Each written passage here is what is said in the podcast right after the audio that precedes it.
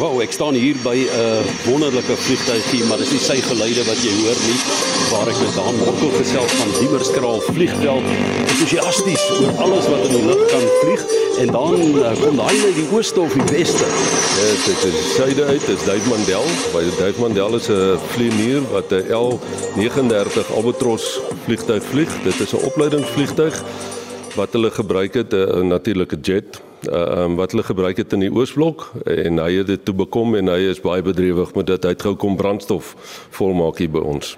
Jy weet die taalkundige sê altyd jy praat nie van 'n loods nie, jy praat van 'n vlieënier want ons staan in 'n loods. Dit is 'n hanger soos wat hulle gesê het en ons staan hier by 'n uh, vliegtuigie wat minder as 20 jaar gelede deur jou gerestoreer is en wat jou 'n liefde gegee het dan vir die lug en ook die kunsies wat daarmee gepaard gaan. Vertel vir ons van hierdie 1960 model vertel en hoe dit as dit ware jou lewe se rigting verander het.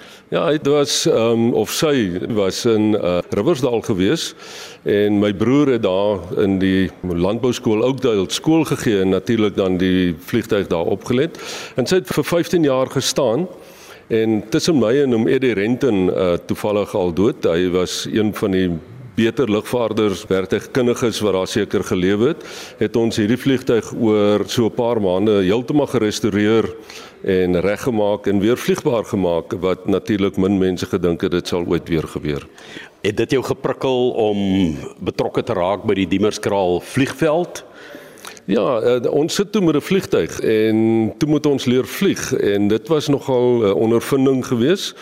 Uh, ek het gelukkig 'n baie baie goeie uh, instrukteur gehad wat 'n klein bietjie ouer is as die res.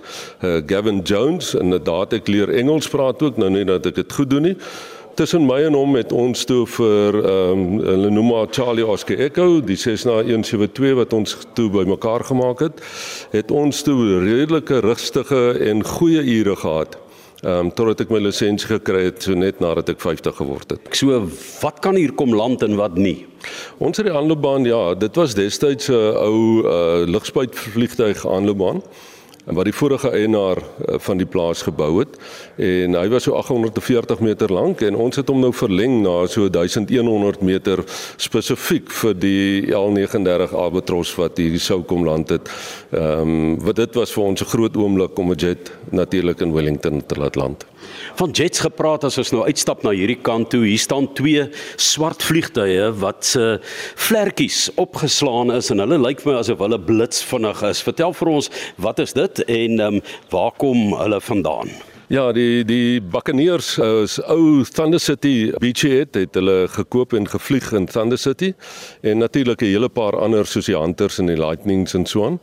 Toe Beachhead ongelukkig dood is, het Thunder City se deure so half en half toegemaak en hulle het vir my gevra dan om die die vliegtye en al die onderdele van die vliegtye hier by Demorskraal te kom stoor vir 'n tydperk totdat hulle dit kon verkoop kry. Ek gesels met Daan Morkel van Demorskraal Vliegveld. Daan, wat het jy gedoen voor jy nou die afgelope 18 jaar eh, vandat jy daai vliegtuig gerestoreer het in die lug rond gekuier het? Ja, snaaks genoeg en was ek in die lugafweer gewees. Ek was staan omag in die lugafweer en ehm um, ook 44 valskermbrigade ehm um, deelgeneem aan aan hulle wat ook al hulle wou doen. En so ek was staan maar gewees vir 'n vir 'n hele paar jaar ja. So jy is opgelei om eintlik vliegtye uit die lug uit te skiet en nou vlieg jy daarbo. Voel jy veilig as jy vlieg? ja, gelukkig is die oorlog verby. Ehm um, ek dink baie mense is bly daaroor. Ja, ek voel baie veilig. Die veiligheid van 'n vliegtuig hang van die vlieënier af, die hoeveelheid brandstof wat jy in het en die vertroue wat jy het met die werktuigkundige wat uh, jou vliegtuig natuurlik elke jaar nasien. Nou, wat gebeur alles op so 'n vliegveld? Want ek sien hierso is ouens wat hier uit 'n vliegtuig uit gespring het, maar daarom met 'n valskerm ook. Nadat ek uh, ek net so 'n klein bietjie terug gaan, ek en Gavin Jones het een keer um, een van die landings kom doen hierso omdat ek van die baan af sou vlieg het. Hy vir my hier baie kom laat land en opstyg. En dit het my koppie aan die gang gesit en ek het begin dink nou wat nou? OK, ek het nou hier lisensie, wat gaan ek doen daarmee? En ehm um, ja, tot ons uh, in loods gebou en dit was vol binne 'n uh, kwessie van baie gou. En so die ander loodse gevolg. En op hierdie stadium is hier nou 'n hele paar loodse en ehm, 'n um, werktuigkundige plek, uh, noem dit in Engels 'n IMO. Ek gaan nou nie heeltemal daarop ingaan nie. En dan natuurlik dan sit ons vliegtye bymekaar. Ons hou 'n bietjie brandstof aan, parafin, die jet en en brandstof die die F-gas en dan is daar 'n uh, ligspuit uh, maatskappy wat hier vanaf uh, Routeworks werk en dan natuurlik ook die uh, valskerm ouens S2O. Ek sien hierso lyk dit ook 'n bietjie soos 'n vliegtuig begrafplaas hier soos amper artefakte van vliegtye en in 'n stadium weet ek het ou lighting hier gelê wat 'n baie bekende naam is onder Suid-Afrikaners. Vertel ons daarvan. Ja, toe ons eh, ek was eintlik baie opgewonde toe uh, die ou Thunder City vir my vra om al die vliegtye en onderdele en wat ook al hierso te stoor van hulle. So ek het tussen hulle rondgeloop en dit het, het regtig soos Johan sê dit het gelyk soos 'n vliegtyg begrafplaas. Maar vir my was dit 'n uh, mooi oudhede wat hier rondgestaan het wat so nou en dan 'n bietjie liefde gekort het en as, as jy so deur die span loop en jy vryf net so oor hulle, dan kan jy voel hulle hulle het regtig omgegee daarvoor om hierso in ons land so 'n bietjie te kom toer. En jy weet wat is die krag wat in so 'n turbine as dit ware opgesluit lê soos lighting? een van sy engines sit so 12600 stiekkrag uh front stiekkrag uh uit per voet wat min of meer omgewerk kan word na 12600 perkrag. Dis absoluut fenomenaal, maar vertel ons nou eers van die Morkels. Kyk, soos ek die Morkels in Suid-Afrika, ja, 'n paar springbokke, rugby spelers, maar verder in die geneeskunde in en in die boerdery in. Dit is maar die hooflyne. So ons is hier op 'n plaas, buite dat jy met vliegtye teel, is daar iets anders ook wat gebeur hier. Ja, uh, die Morkels, ons het nou so 3 jaar terug toevallig in hierdie pandemie het ons begin met 'n bietjie wyn maak. My seun, hy hy het lank vir ander plekke gewerk, hy het ook in Australië gaan wyn maak, uh, uh, Chateau de Neftepap in ehm um, Frankryk en hy was ook in uh in in Amerika bietjie gaan wyn maak toe het hy gesê kom ons gee vir hom 'n kans en en tussen my en my seun wat op die plaas is Philip het ons dan besluit om tussen ons drie om om te kyk of ons kan wyn maak hierso. En ek dink ehm um, hy het natuurlik ook keer voordat hy kom wyn maak het ja, allerlei ander goed gaan doen soos byvoorbeeld sy meestersgraad in in besigheid gaan doen en toevallig die die hoofkursus leier van die besigheidsgraad was uh Johan Burger en Johan Burger en ek was saam in die weermag geweest.